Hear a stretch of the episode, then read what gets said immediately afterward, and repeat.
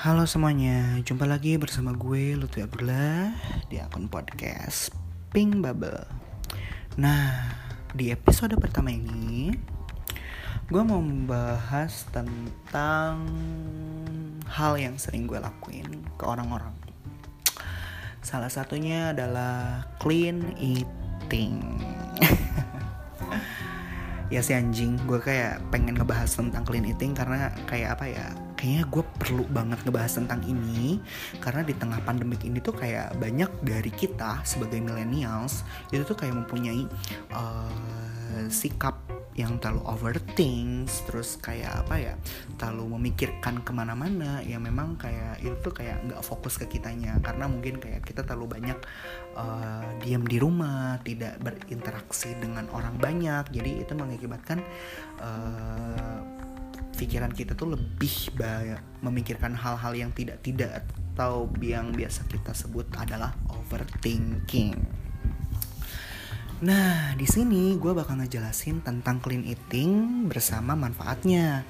Nah, di satu sisi pengalaman gue sebagai uh, nutritionist, nggak lah anjing nggak nutritionist banget sih. Maksudnya kayak uh, membantu orang-orang dengan ilmu gue uh, berupa makanan yang bergizi. Anjing. Hmm, uh, jadi gue tuh kayak punya pengalaman gitu sebagai uh, nutritionist di RS oh, Bayangkara di Akademi Kepolisian dan Akademi Militer. Jadi uh, gue bertugas sebagai selain gue sebagai apa tuh sebagai peneliti di bidang nutrisi dan genetik, gue juga di sana tuh uh, apa tuh bertugas sebagai mengeset makanan orang-orang uh, taruna-taruna setiap harinya. Jadi uh, biasanya tuh dari pagi ketika mereka bangun sarapan makan siang sama makan malam itu tuh gue yang ngatur biasanya sih kalau taruna tuh makannya itu tiga kali sehari tapi ada juga yang uh, dijadwalkan uh, dua kali sehari gitu. Jadi kayak tergantung instrukturnya sih in, uh, ins, ya instrukturnya. Jadi kalau misalnya disuruh makan tiga kali sehari ya makan tiga kali sehari. Kalau misalnya disuruh makan dua kali sehari ya dua kali sehari. Jadi kayak tergantung instrukturnya sih. Karena memang kalau di akpol dan akmil itu yang gue lihat itu jadi karena ke, kebanyakan kegiatan fisik jadi mereka tuh kayak membutuhkan makanan makanan yang bergizi dan membuat mereka tahan lama gitu ketika mereka melakukan kegiatan gitu. Nah, gue bertugas di sana untuk ngeset makanan-makanan mereka.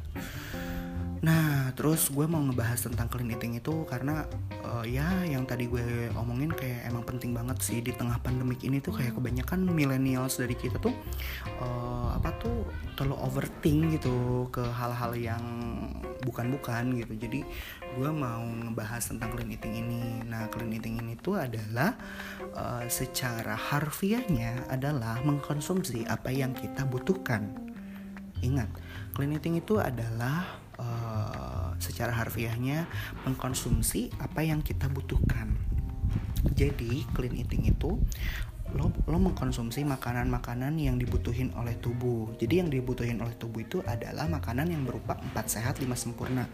Jadi dalam masalah lemaknya terpenuhi, dalam masalah proteinnya terpenuhi, dalam masalah vitamin dan mineralnya pun terpen harus terpenuhi.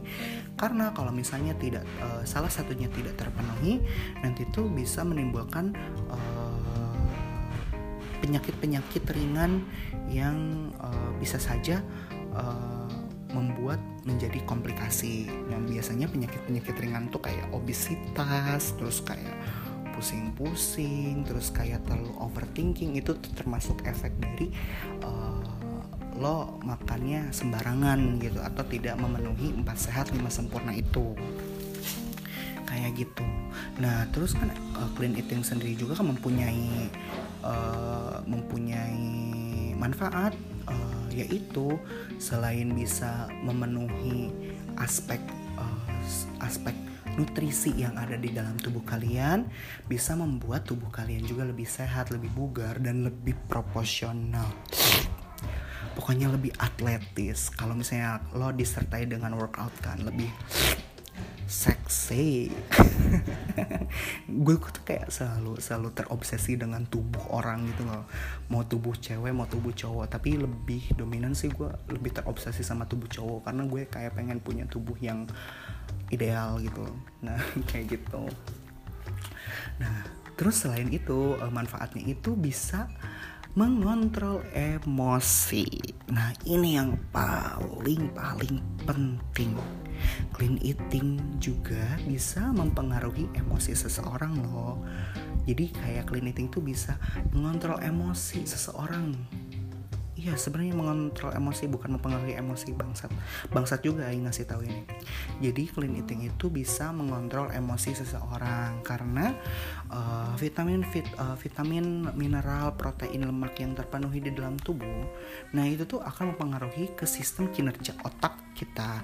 Dan itu menyebabkan kita juga bisa mengontrol emosi yang kita keluarkan uh, nantinya. Nah itu juga bisa mempengaruhi ke cara berpikir lo lebih terstruktur, cara emosi lo juga lebih stabil. Nah, itu sih yang gue mau jelasin tentang clean eating. Nah, kenapa sih gue harus ngebahas clean eating? Karena di tengah pandemik ini adalah gue tuh kayak suka gimana ya? Suka aneh sama orang-orang kayak mungkin mungkin gue juga termasuk ya mungkin gue juga termasuk.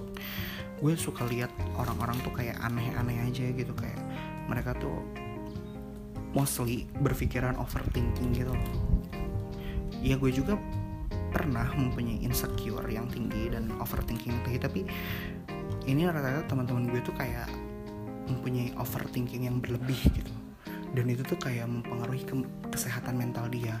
Nah gue juga menyuruh mereka tuh uh, nyaranin untuk clean eating karena untuk bisa lebih meng, uh, mengontrol uh, emosi dia. Jadi gue yang ngeset makanan dia dari pagi sampai malam terus dia harus laporan ke gue apa aja yang dia makan gitu. Nah habis itu nanti dia bisa merasakan efek dari cleaning tersebut. Kayak nah sebenarnya ini episode episode satu untuk clean eating. Jadi kayak gue gak akan ngejelasin tentang jauh dulu karena aduh capek. Gue harus mandi gue harus ini. Jadi nanti di episode 2 gue pasti bakal nerusin oke okay, tentang clean eating ini. Jadi uh, sampai jumpa di episode kedua gue. Gue Lutfi Abdullah. Selamat sore